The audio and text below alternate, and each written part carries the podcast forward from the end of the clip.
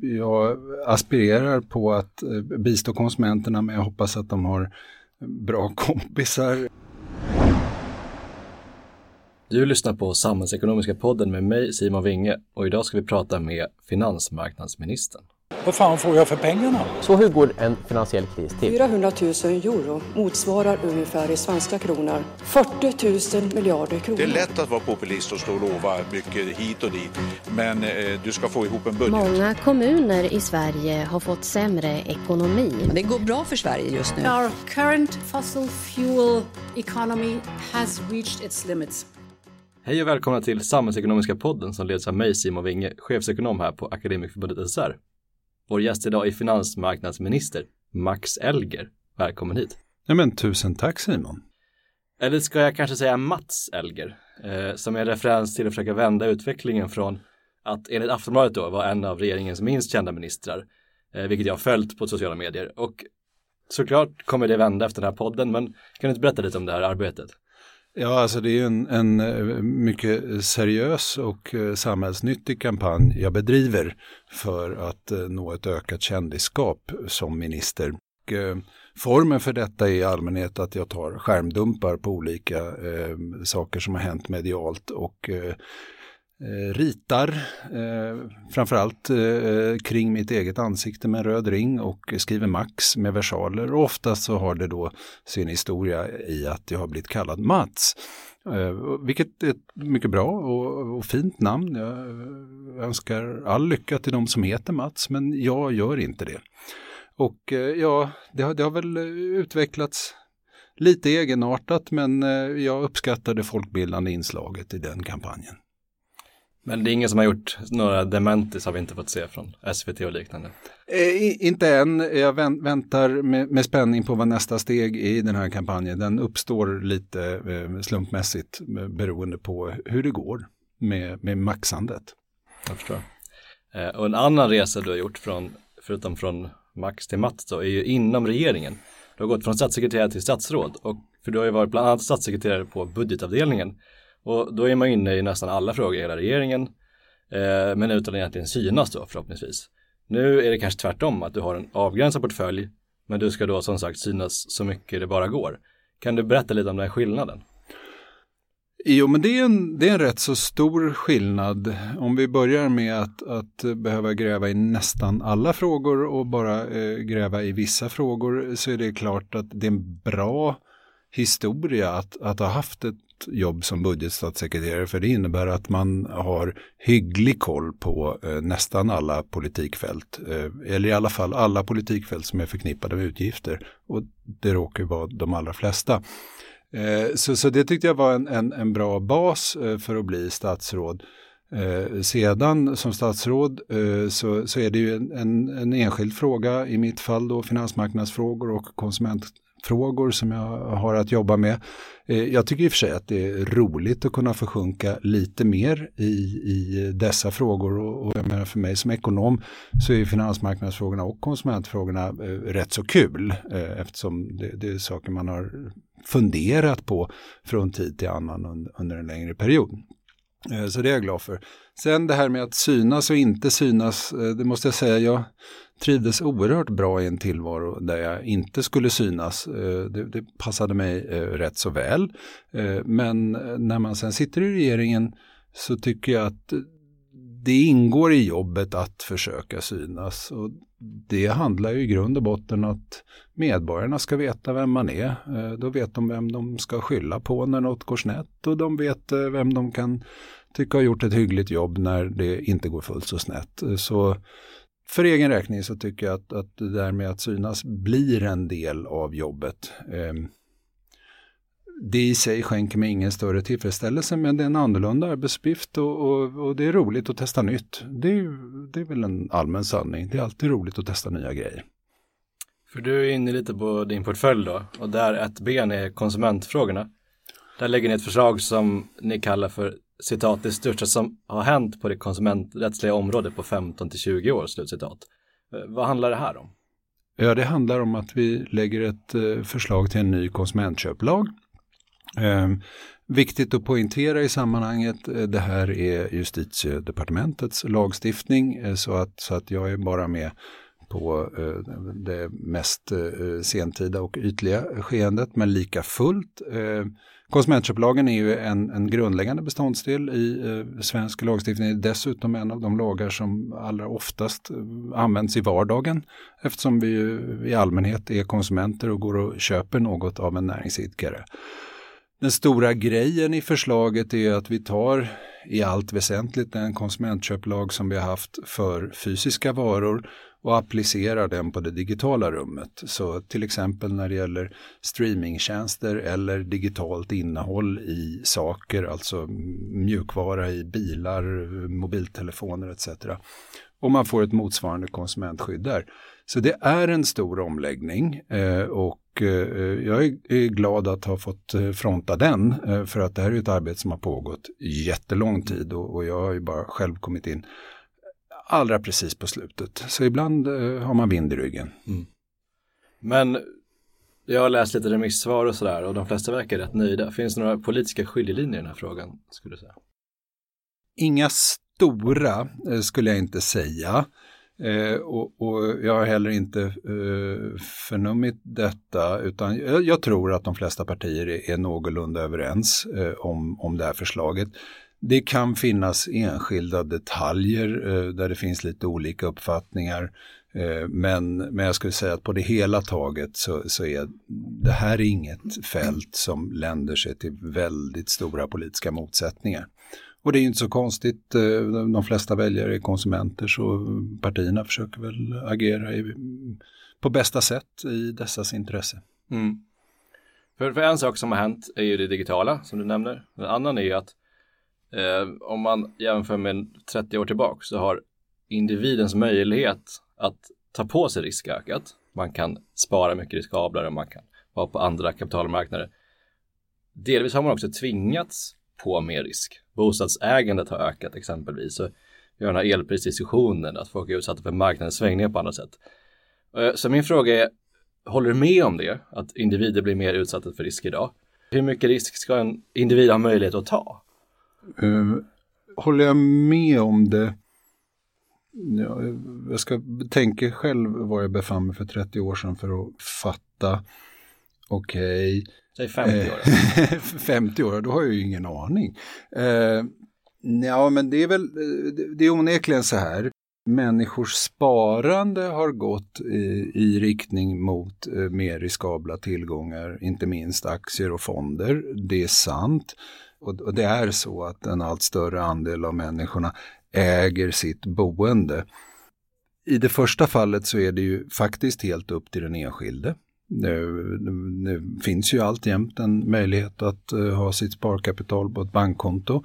Uh, men, och, och, då slipper man ju all risk uh, och man slipper å andra sidan nästan all möjlighet till avkastning också. Så det där tror jag att det, det där är människor kapabla att avgöra själva. Och när det gäller boendet så, så är det ju olyckligt att det är så svårt att få tag på ett hyreskontrakt. Samtidigt så tror jag inte de som har köpt sitt boende för en tid sedan ångrar sig på något sätt. Så eh, det måste nog också få vara en smaksak, men det är klart att eh, åtminstone i den här stan så är vi begränsade med avseende på valmöjligheten att hitta ett hyreskontrakt, för det är ju en fråga som tar väldigt lång tid. Mm. Men, men i grund och botten, det är tänkbart att folk lever med lite högre risker idag än för låt säga 50 år sedan då. Men jag uppfattar det nog som att en hel del av det är för att man väljer att göra på det sättet och att, att det faktiskt finns alternativ som å andra sidan har sina nackdelar. En lite mer abstrakt risk är den, tänker jag, som är online. Och vi har ju många medlemmar på kommuner och myndigheter som hanterar väldigt känsliga individuppgifter och cybersäkerhet har ju seglat upp som en central fråga. Och ibland oroas jag lite av hur, hur kanske sårbara det offentliga är. Vad gör ni där? Ja, alltså det offentligas sårbarhet är kanske inte den fråga som nödvändigtvis landar på mitt bord. Mm. Eh, det jag har gjort, och, och det är påkallat, inte minst av eh, det läge vi har i, i vår nära omvärld just nu, det är att sammankalla eh, finansiella stabilitetsrådet. Eh, och syftet med, med det, det, mötet var ju att efterhöra hur eh, de stora myndigheterna, Finansinspektionen, eh, Riksgälden och Riksbanken har förberett sig för eventualiteter där en sådan eventualitet eh, skulle kunna vara ökade cyberattacker. Och eh, mitt intryck är att de har förberett sig väl, eh, men samtidigt ska man komma ihåg att eh, riskerna är ju i det här sammanhanget inte perfekt kända. Så, så jag tror att de förberedelser som har vidtagits är godartade, men att vi inte har perfekt kännedom om riskbilden. Mm. Tror du man kanske underskattar cyberriskerna? Tänker när företag som inte ens Microsoft kan skydda sig mot cyberattacker. Liksom. Jag har svårt att yttra mig i termer av eh, underskatta och överskatta, men det vore ju dumt att säga att vi kan hantera alla slags eventualiteter. Det, det, kan jag ju inte utge i det här läget. Så att jag, jag, tror att beredskapen och medvetenheten är god och hög. Men eh, det innebär inte att vi inte kan stå inför eh, enskilda problem i olika sammanhang. Och de du nämner som eh, kanske sitter och hackar, de gillar också de så kallade kryptovalutorna. Ett sätt man kan handla utan att det syns och pengar som ligger helt utanför stater och riksbankers kontroll egentligen. Och i grunden en ganska stor källa till finansiell instabilitet för de kan ju ändra värde över natten. Jag menar det här, det mest kända är bitcoin och det halverades väl lite då och då i värde liksom. Bör vi och hur ska vi reglera kryptovalutor för att inte få för mycket finansiell instabilitet där? Jag, jag tror för det första, än så länge så ser jag inga stora risker för den finansiella stabiliteten eh, till följd av kryptovalutor eftersom de alltjämt utgör en eh, väldigt liten andel av samtliga tillgångar. Mm. Eh, men, men du har ju helt rätt i att det är synnerligen riskabelt att lägga sina pengar i kryptovalutor eftersom Eh, värdet å ena sidan eh, kan öka och minska i mycket rask takt. Personligen eh, har jag lite svårt att förstå att människor tillmäter dessa kryptovalutor det värden de tillmäts eftersom det ju står var och en fritt att grunda nya kryptovalutor vilken dag som helst. Men eh, där gör jag en annan bedömning än, än alla de som, eh, som är verksamma eh, Eh, på, på den här marknaden. Eh, jag tycker väl om man ska säga någonting att för det första för den enskilde eh, är det så att man står i begrepp att investera i detta, då tycker jag man ska underrätta sig mycket väl om vilka risker det är förknippat med. Och, och, och då är det klart att ett 50-procentigt fall som det du beskriver är ju, ett sätt att, att bli underrättad om det. Eh, så det ju, ehm, kan ju kännas som en god påminnelse eh, för de sparare som eh, är väldigt entusiastiska inför den här sparformen som jag då inte fullt ut själv begriper. Sen när det gäller reglering så kan man säga att det är klart att i takt med att allt fler har efterfrågat detta slags tillgångar så har det också uppstått tjänster som har förmedlat dem och då seriösa eh, affärsverksamheter. Dessa verksamheter ska ju naturligtvis regleras. Eh, och, och då handlar det inte minst om att de ska stå under penningtvättslagstiftning och, och, och tvingas rapportera misstänkta transaktioner precis på det sätt som gäller Eh, på övriga finansmarknaden. Eh, men jag saknar, jag, jag, vet inte ens om jag kan föreställa mig hur vi skulle kunna reglera ett bilateralt utbyte av kryptovalutor mellan två eh, enskilda individer. Det, det, saknas nog möjlighet att reglera det och ja, då är det som det är. Alltså rent tekniskt eller juridiskt eller vad är det för möjligheter vi saknar? Men juridiskt kan man säkert eh, föreställa sig lösningar eh, för att reglera ett, ett, bilateralt utbyte av kryptovaluta mellan två enskilda individer. Men jag eh, kan själv inte riktigt se hur denna lagstiftning skulle kunna övervakas. Eh, så eh, värdet av en sådan operation eh, är kanske när det kommer till kritan begränsat.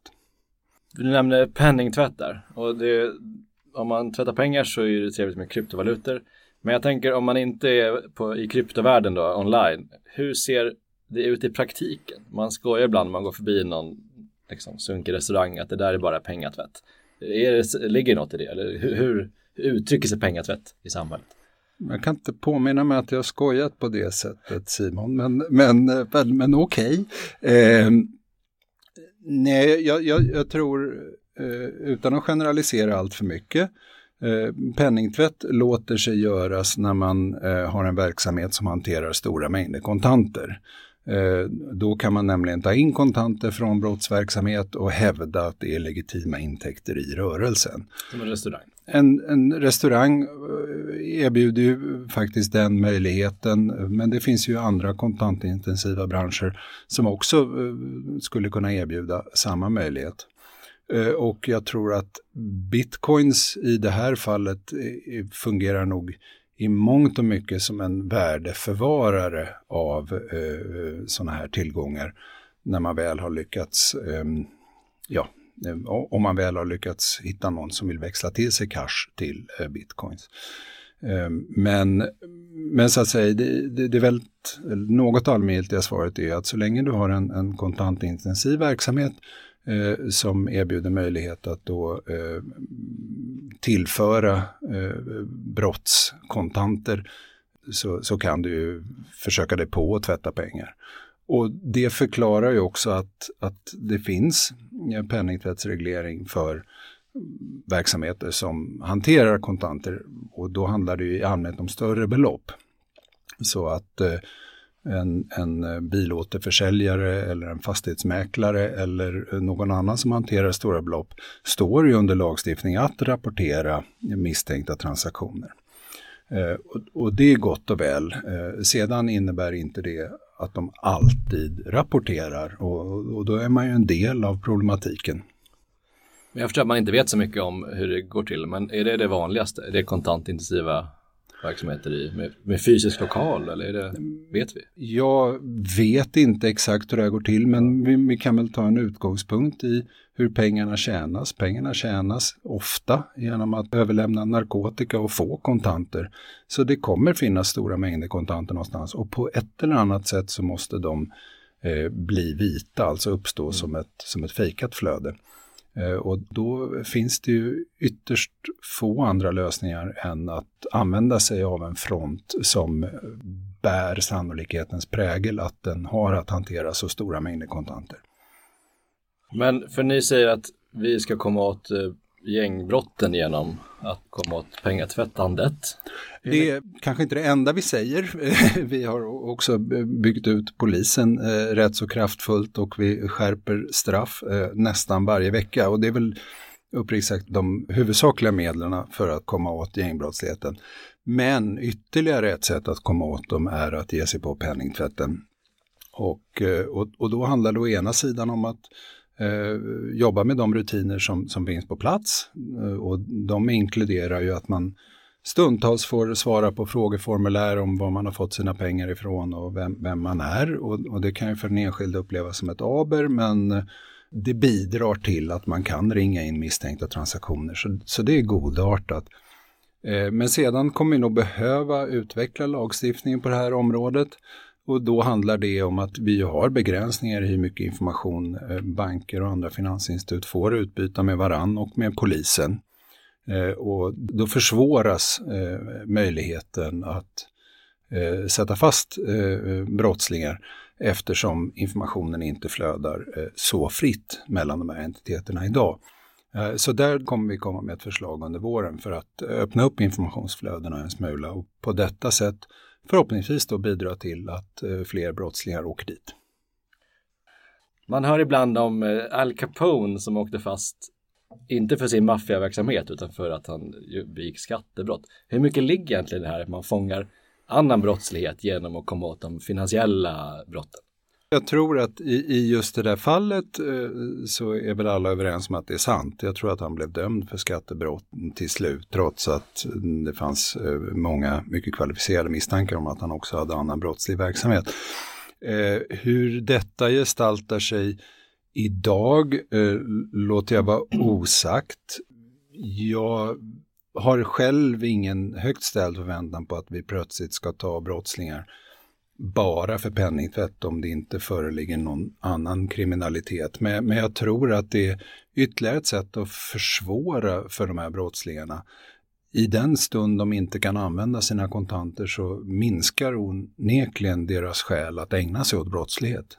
Så, så det är nog mer den dynamiken jag själv ser framför mig än att vi plötsligt i brist på annat skulle kunna fälla dem för penningtvätt. Men det är möjligt att den möjligheten finns och eh, det är ju i sådana fall mycket välkommet. Men Al Capone själv kunde man inte fånga med penningtvättslagar, nämnde du här i försnacket. Nej, men det, det är helt riktigt för, för att eh, penningtvättslagstiftningen har tillkommit sedan 80-talet ungefär och då var det inte eh, Al Capone man eftersträvade att ta fast, men däremot de eh, colombianska eh, knarkkungarna. Och där lyckades man helt enkelt inte ta dem för själva knarktransaktionerna. Däremot eh, så insåg man att om man gjorde hanteringen av deras kontanter eh, svårare och brottslig, eh, då skulle man kunna ha en sådan ingång i eh, brottsbekämpandet. Och eh, på den bogen är det så att säga. Sedan har, har det ju eh, begreppet vidgats och eh, inkluderar allt fler verksamheter av brottslig art. Eh, och jag tror också att, att det har varit relativt framgångsrikt eftersom hela världen fortsätter på den bogen och, och tillskjuter sådana här regler löpande. Primärt inom då samarbetsorganisationen FATF. För du ska ju vara du är ju konsumentens bästa vän och sen ska du ju styra upp den finansiella stabiliteten. Men om man spetsar till det då, handlar inte alla frågor någonstans om finansiell stabilitet? Vad, hur avgränsar man det? Det är en bra fråga eh, och eh, jag aspirerar på att eh, bistå konsumenterna men jag hoppas att de har bra kompisar eh, i sina vanliga liv. Men när det gäller finansiell stabilitet, eh, var ska man sätta gränsen för detta? För egen räkning så tycker jag att det handlar om att eh, försöka kontrollera de risker som följer av att banker och finansinstitut eller institutioner för den delen plötsligt upphör att fungera. Det är domänen för verksamheten och således så kan man säkert motivera en hel del tilltag med finansiell stabilitet. Men jag tycker att det ska kopplas till att eh, institutioner på finansmarknaden ska kunna upprätthålla grundläggande funktioner. För jag noterar ibland att Riksbanken gör ibland väldigt bred tolkning av stabilitetsbegreppet. Men det, det, är inte din sak att svara på. Jag tror inte jag får recensera deras tolkningar av Nej, finansiell stabilitet så det avhåller jag mig från. Men däremot så har ni ju som regering hoppat in och räddat elkonsumenter som haft högt elpris vissa månader under vintern. Och då undrar jag, kommer vi kunna se samma handlingskraft gentemot privatpersoner som drar på sig höga räntekostnader vissa månader om räntan går upp? Eh, lyckligtvis så har vi inte motiverat detta eh, tilltag med finansiell stabilitetsargument. Eh, däremot så handlar det om att undsätta eh, konsumenter som har hamnat i trångmål. Eh, jag ser emellertid inte framför mig att någon motsvarande kompensation ska komma för höga räntor. Och eh, på räntesidan så är det ju eh, mycket väl känt att man väljer själv hur mycket risk man vill ha med sin ränta. Är det så att man tycker att eh, eh, det är eh, olidligt att den plötsligt kan gå upp, då ska man ju välja ett, ett fasträntekontrakt. kan man argumentera för att man ska på elsidan också, men, men, men där upplever jag att samhället är mer överrumplat. Ja. Vi har varit inne lite på eh, utrikesfrågor som jag förstår inte är huvuddelen av din portfölj, men betalsystemet Swift, som är vad jag förstår alla korttransaktioner vi gör, eh, har diskuterats i ljuset av att kanske slänga ut Ryssland då, i ljuset av ja, vad de håller nu på med. Eh, vad skulle det här innebära? Eh, för det första, eh, du har helt rätt i att utrikesfrågor i mycket ringa utsträckning är min portfölj så, så att eh, det, det, finns nog andra som är mer kallade att svara på detta. Men, men i grund och botten betalsystemet Swift reglerar betalningar mellan länder och banker och Skulle man utestänga ett land skulle de inte ha möjlighet att genomföra de transaktioner som möjliggörs genom Swift. Det, det är väl bara så enkelt. Så de skulle inte kunna köpa och sälja med hela, ja, alla? De, de skulle få svårt att handla med omvärlden är min bedömning. Ja. Nu tror jag man la ner det här, men eh, diskussionen fanns ett tag. Ja, det, är, det är bara ett, ett, det tekniska svaret på frågan vad, vad, vad, innebär den skulle vara. Sedan eh, om detta är en lämplig eller olämplig åtgärd, det, det avhåller jag mig från att uttala mig om. På det allmänna planet kan man väl säga att sådana här ekonomiska sanktioner gör sig allra bäst om man gör dem i stort samförstånd med övriga Europeiska unionen och gärna fler. Mm. I din tidigare roll har vi mötts i olika EU-frågor just. Eh, och det är, någon sa till mig att själva funktionen finansmarknadsminister tillkom i början av 2000-talet när vi funderade på att gå med i valutaunionen och euron. Så min fråga är, om vi gick med i euron, skulle inte det öka den finansiella stabiliteten? Eh, för det första att funktionen tillkommer, det, det är säkert sant, men jag har aldrig gjort den kopplingen själv. Eh, skulle att gå med i euron öka den finansiella stabiliteten. Det är onekligen så att om man befinner sig i ett fasträntearrangemang så är det förutsägbart och det är i sig eh, Eh, godartat för eh, finansiell stabilitet. Samtidigt måste man komma ihåg i innevarande läge att åtminstone min bedömning är att eh, svenska finansiella stabilitet är i synnerligen gott skick och, och eh, framförallt i jämförelse med vissa EU-länders så det talar emot att det skulle öka den finansiella stabiliteten. Eh, och ja, någonstans där eh, så befinner sig väl frågan om euron och finansiell stabilitet. Men själv kan jag tycka att den som funderar på om det är lämpligt eller inte att gå med i euron bör ägna mycket större tid och fundera på konsekvenser för eh, samvaron inom unionen, samarbetet inom unionen, eh, Sveriges relativa betydelse och kanske också mer på hur handelsflöden påverkas. Det känns som att just finansiell stabilitet är en smärre fråga i det här sammanhanget, utan det handlar snarare om handel och politiskt inflytande än något annat. Mm. Och, och, just finansmarknaden är ju rätt integrerade i Europa och konsumentfrågorna är ju, där har vi den inre marknaden som vi känner väl till. Så hur mycket handlingsutrymme har man egentligen som i din roll som i de frågorna? Ja, det, är, så här, det är helt riktigt att konsumentfrågorna präglas mycket av att vi är en del av inre marknaden eh, och eh, finansmarknadsfrågorna går ju mot allt större och större enhetlighet. Och där är ju syftet att man ska förbättra konkurrensen och underlätta utbytet även av sådana här tjänster. Eh, så, så bägge dessa tycker jag själv är, är något, något mycket godartat. Men i allmänhet eh, så är det ju så att utöver det som är EU-lagstiftning och EU-direktiv så finns det lite frihetsgrader eh, för det enskilda medlemslandet eh, att utforma sin egen politik. Som ett exempel det vi talade om tidigare med penningtvätten och det vi nu avser att göra där att förbättra informationsutbytet, det är ju en domän vi kontrollerar själva. Det, det är helt inom ramen för vad, vad EU har, har, bestämt, men det är vi som väljer nivån. Mm. Tycker du att Sverige ibland har utnyttjat vårt handlingsutrymme kanske för lite historiskt? Kan inte jag svara på.